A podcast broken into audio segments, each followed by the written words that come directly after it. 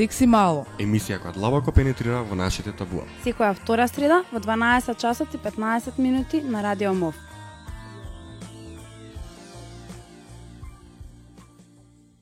Здраво, пак во студиото. А мене и Стефи овој пат. За жал ние го почнуваме, односно за среќа го почнуваме тоа здраво, заради тоа што ни ги нема маца а, Вели Јани. Бидејќи, како што може би приметивте на нашата Facebook фан страна, денеска славиме 3 години, односно имаме роден ден. Меѓу другото зборуваме и за саботна хира, зборуваме како започ... започнало и се развивало секси мало и ви зборуваме за 10 интересни факти кои што се поврзани со сексуалноста и сексуалното и репродуктивно здравје. А, здраво и од мене, како што спомна Христијан, оваа година а, славиме три години од, секси, од постоењето на Секси Мало. А, го одбележавме во едно а, истиот ден со а, саботна хера, искомбинирано. Целта на саботната хера беше преку одредени презентации да се привлечат нови волонтери. Значи преку овие презентации се објаснуваше а, што се работат трите одделни групи во хера а, Секси Мала, емисијата која што ние водиме моментално, застапување и промоција и неформално образование. Чисто за да појасниме малце Стефи што кажа, а, групите во рамки на младинската група на Хира, трите групи, неформално образование, секси мало и застапување и промоција, се работат нели секоја своја одделна задача. Во главно групата неформално образование работи на едукација со млади, работи во средни и основни училишта, секако нели општа млада популација. А, групата за секси мало го прави во што ние денеска го правиме зборуваме на радио а групата за стапување и промоција се грижи за оние сите моменти кои што Хера заедно со партнер организациите се борат заеднички да се воспостават во рамки на системот за функционирање. Тука може да спомнеме петицијата за введување на секс, сеопфатно сексуално образование во училиштата, введување на контрацепцијата на позитивната листа и други разни а, активности кои што ги прави Хера во соработка со партнер организациите. Во едно во истиот ден, односно во оваа мината сабота, го прославивме и тригодишното постојање постоење на секси мала. А, им се благодаруваме на оние кои што го прославија, ја прос, го прославија овој роден со нас. А, а за тие кои што не дојдоа, им чуваме парче торта. Со така може да видат фотографија тоа како се забавувавме во саботата на нашата страна на Facebook. За да им биде повеќе жал бидејќи не беа со нас. А сега боли пуштејќи ви брдај.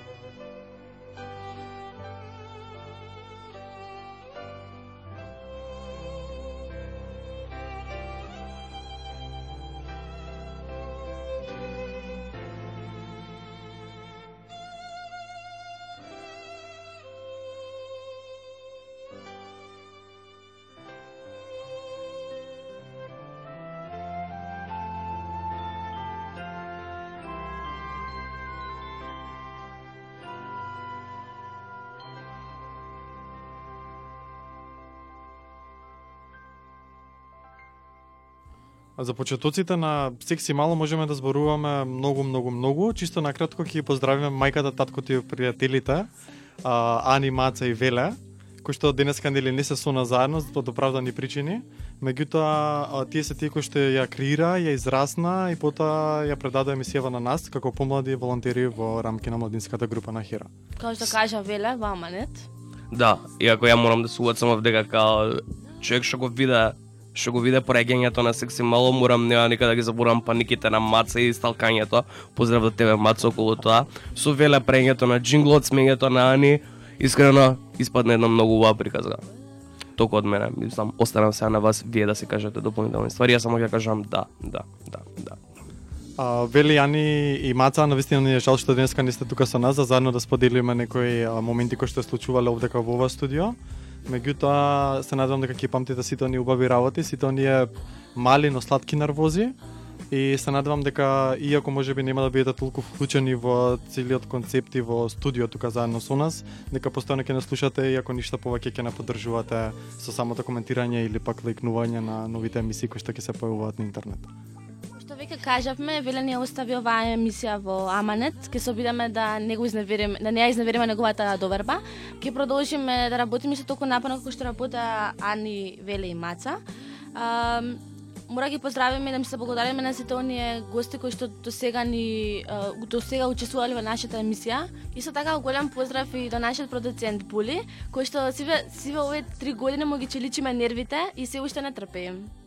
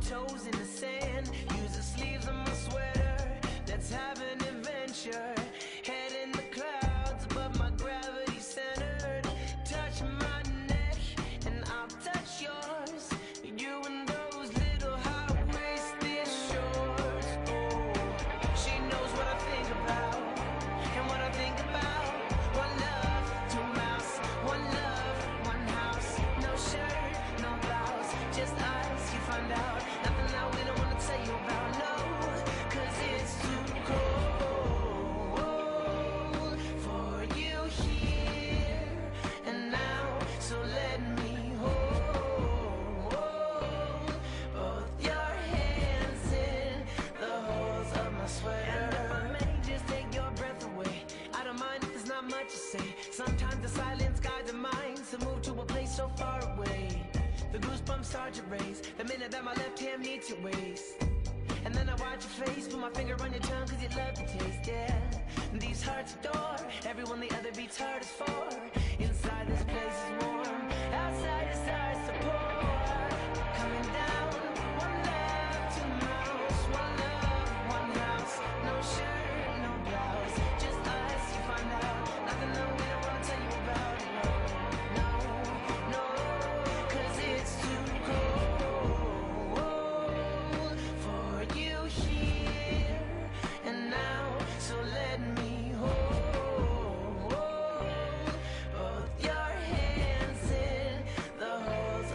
later.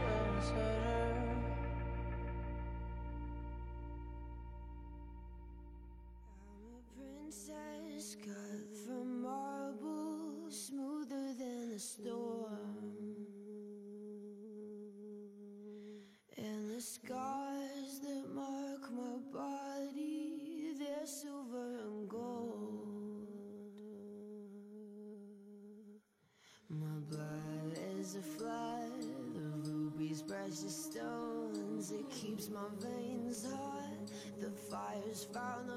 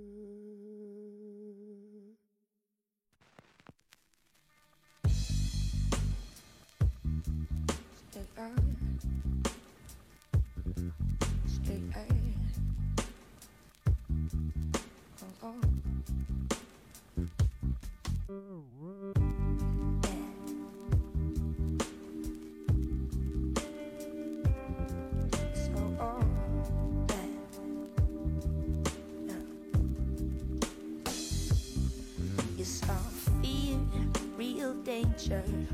This world ain't simple, but I'm strong. I know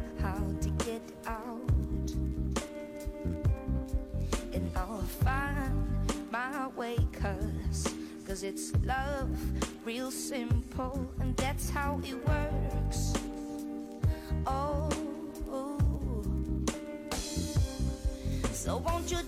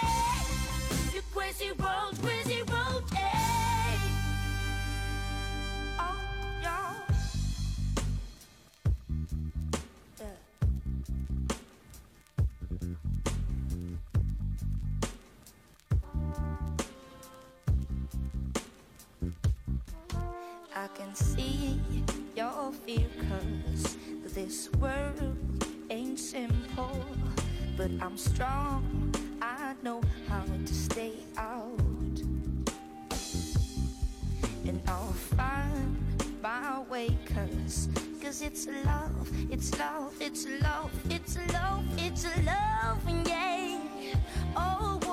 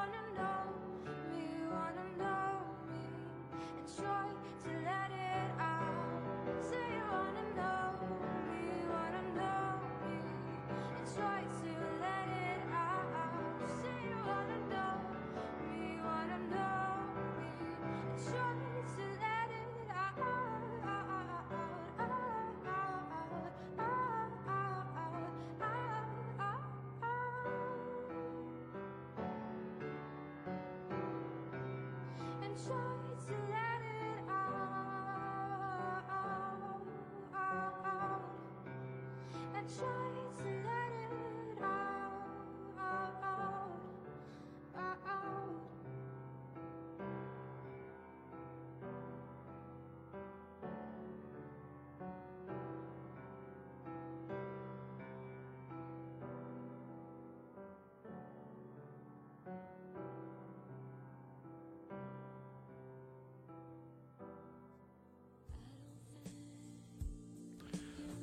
Се враќаме назад, после музичката пауза што ја спремивме, со нешто малку поинтересно за разлика можеби од нашиот историјат, 10 интересни факти за сексуалност и се- сексуално и репродуктивно здравје и права. А, нешто што кога истражувавме на оваа тема за да биде онака по по младешка, да кажем, по прифатлива за младите, стигнавме до еден податок кој што е доста интересен и го вели следново. За 80% од тајланките Свети Валентајн е најважен датум, тоест датум на кој најголем дел од нив за прв пат спијат со својот партнер. Ова е нешто што е доста специфично кога, кога го читавме, доста интересно, од друга страна доста и непознат податок. Кога веќе Кико ни спомна за таваганките, кога веќе збориме за нив, може да ги спомнеме исто така и американците, значи кои што 70% од нив имаат секс во тоалетите и представуваат нација која што најчесто се снима при сексуалниот однос. А, Замислете вакво нешто да се случи во Македонија. 70% од македонците да имаат однос некаде во некој тоалет. Е сега додека си играме со бројкиве, малце да видиме нешто што е доста интересно, меѓутоа сите не поврзува и на некој начин а, е доста интересен податок за сите, заради тоа што Едно истражување вели дека со секоја измината секунда во светот започнуваат 2778 сексуални односи. кога сме веќе кај истражувањата, имаме уште едно истражување кое што го најдовме кое поинтересно. А, од одредени истраж... направено од, од одредени истражувачи од Рутгерс University, тие користеле специјални скенери за да откријат што всушност се случува во нашиот мозок при сексуалниот однос. А, при тоа заклучиле дека одделни делови на мозокот се активираат околу одглас на стимулацијата на вагината, клиторисот и вратот од грлото на матката. Кога веќе спомнавме што се случува кај жените, да кажем и за мажите, значи еден прочитен маж од својата 15 година до 60 години доживува помеѓу 8000 до 14000 ејакулации. Овој број е прилично шокантен, малце голем. 8000 до 14000 екулации. Исто така имаме една добра вест за мажите. А, жените најчесто нивната големи, големината на нивниот пенис не ја проценуваат точно. Ја проценуваат а, поголема од вистинската. Вајде ова им нив им одговара. Па сега, знаеш како тоа е малце дискутабилно заради тоа што кога го спомнеме тука комплексот кој што најчесто мажите го имаат и така како им одговарат. Исто така имаме еден факт кој што смета дека поголемиот дел од луѓето смета дека веруваат, тоест мислат дека мажите имаат повеќе сексуални односи во споредба со жените. А, тие се грешка. Исто така според истражување на машкиот сајт Men's Fitness се смета дека жените имаат 17 пати по 17% почесто секс од просечниот маж. Е се тука ајде, поради тоа што јас сум машко, да се малце се ставам една дискутабилна ситуација од страна на машки пол. А, ајде да ги чуеме сега тука сите оние машки кои што се фалат себе си дека се доста сексуално активни, ова истражување го покажува спротивното, односно теоријата дека жените се повлечени во овој случај пропаѓа целост. Може би Стефи ќе се сложи со овие зборови, меѓутоа тоа што ние го прочитавме на овој а, веб-сайт, практично машкиот а, сайт Men's Fitness, а, покажува дека всушност можеби мажите за некои работи кажуваат малку повеќе од што реално се случува. Кога веќе збориме кој по поактивен во однос на сексуалните односи, а, според едно истражување а, додено до заклучок дека женскиот оргазам е 12 секунди подолго од, од на оно на мажите, трае точно 20 секунди, додека пак на оно на мажите е 8 секунди. Исто така кога веќе сме кај оргазмот, може да се- да напоменеме дека тој може да го намали ризикот кај жените за срцевите заболувања, ракот на градите и депресијата. Сега ако збориме за мажите пак, има еден друг податок кој што е многу интересен во однос на мастурбацијата и кажува дека со помош на мастурбацијата мажите можат да полесно ја поднесат својата депресија. интересно. Доколку, мислам, се спојува дека оргазмот кај жените се така го намалува ризикот за депресија, значи исто делува и кај мажите кај жените. Се индиректно да ве повикаме сите млади, знаете што треба да правите.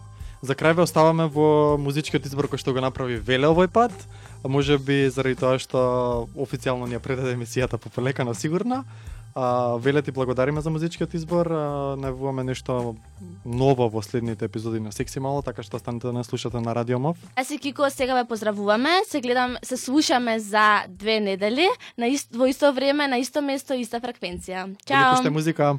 Earth is the loneliest planet of all. Earth is the loneliest planet of all. Day after day, you say one day, one day. Day after day, you say one day, one day. But you're in the wrong place and you've got the wrong face. And humans are not really very humane. And Earth is the loneliest planet of all.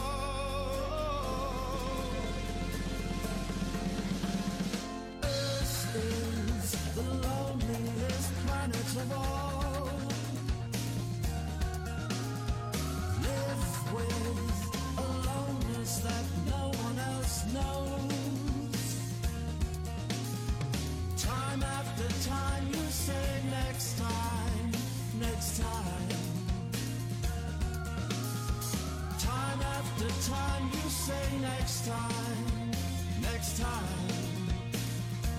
You fail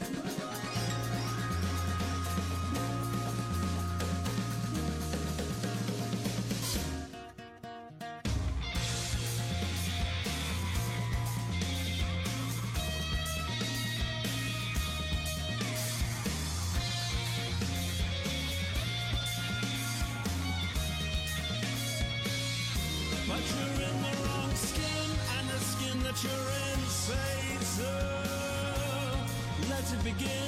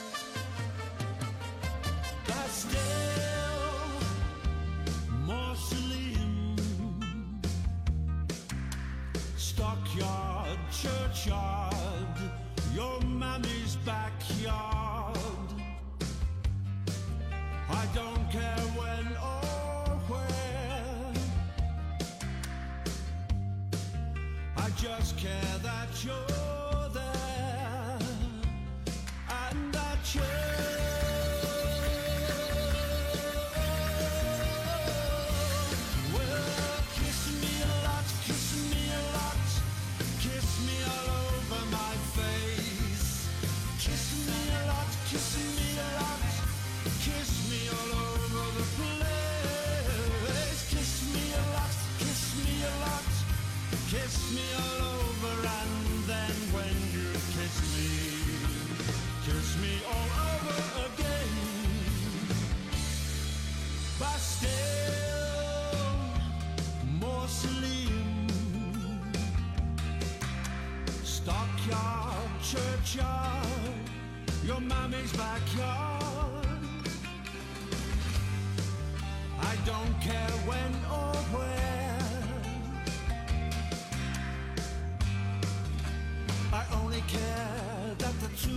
of the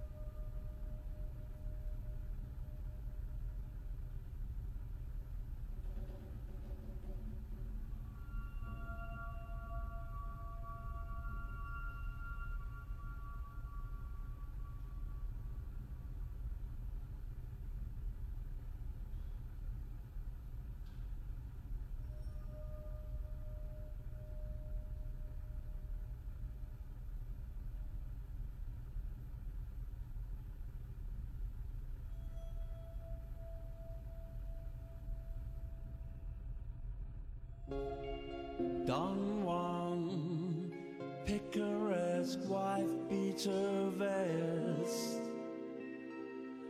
cold hand, iceman, warring caveman. Well, if this is what it takes to describe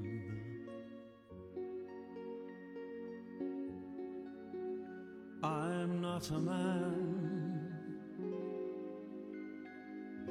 Wheeler, dealer, mover, shaker, Casanova.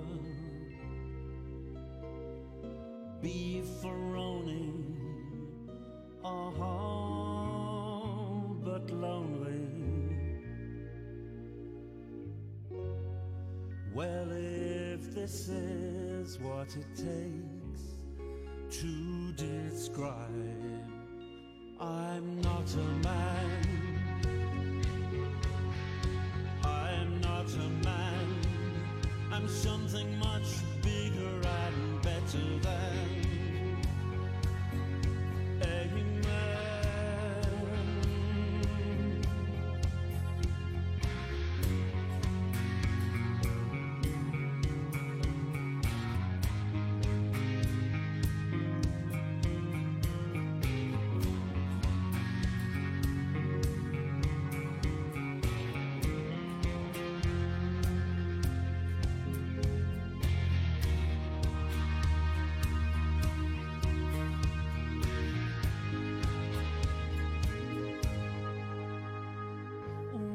Wise as, smart as, workaholic,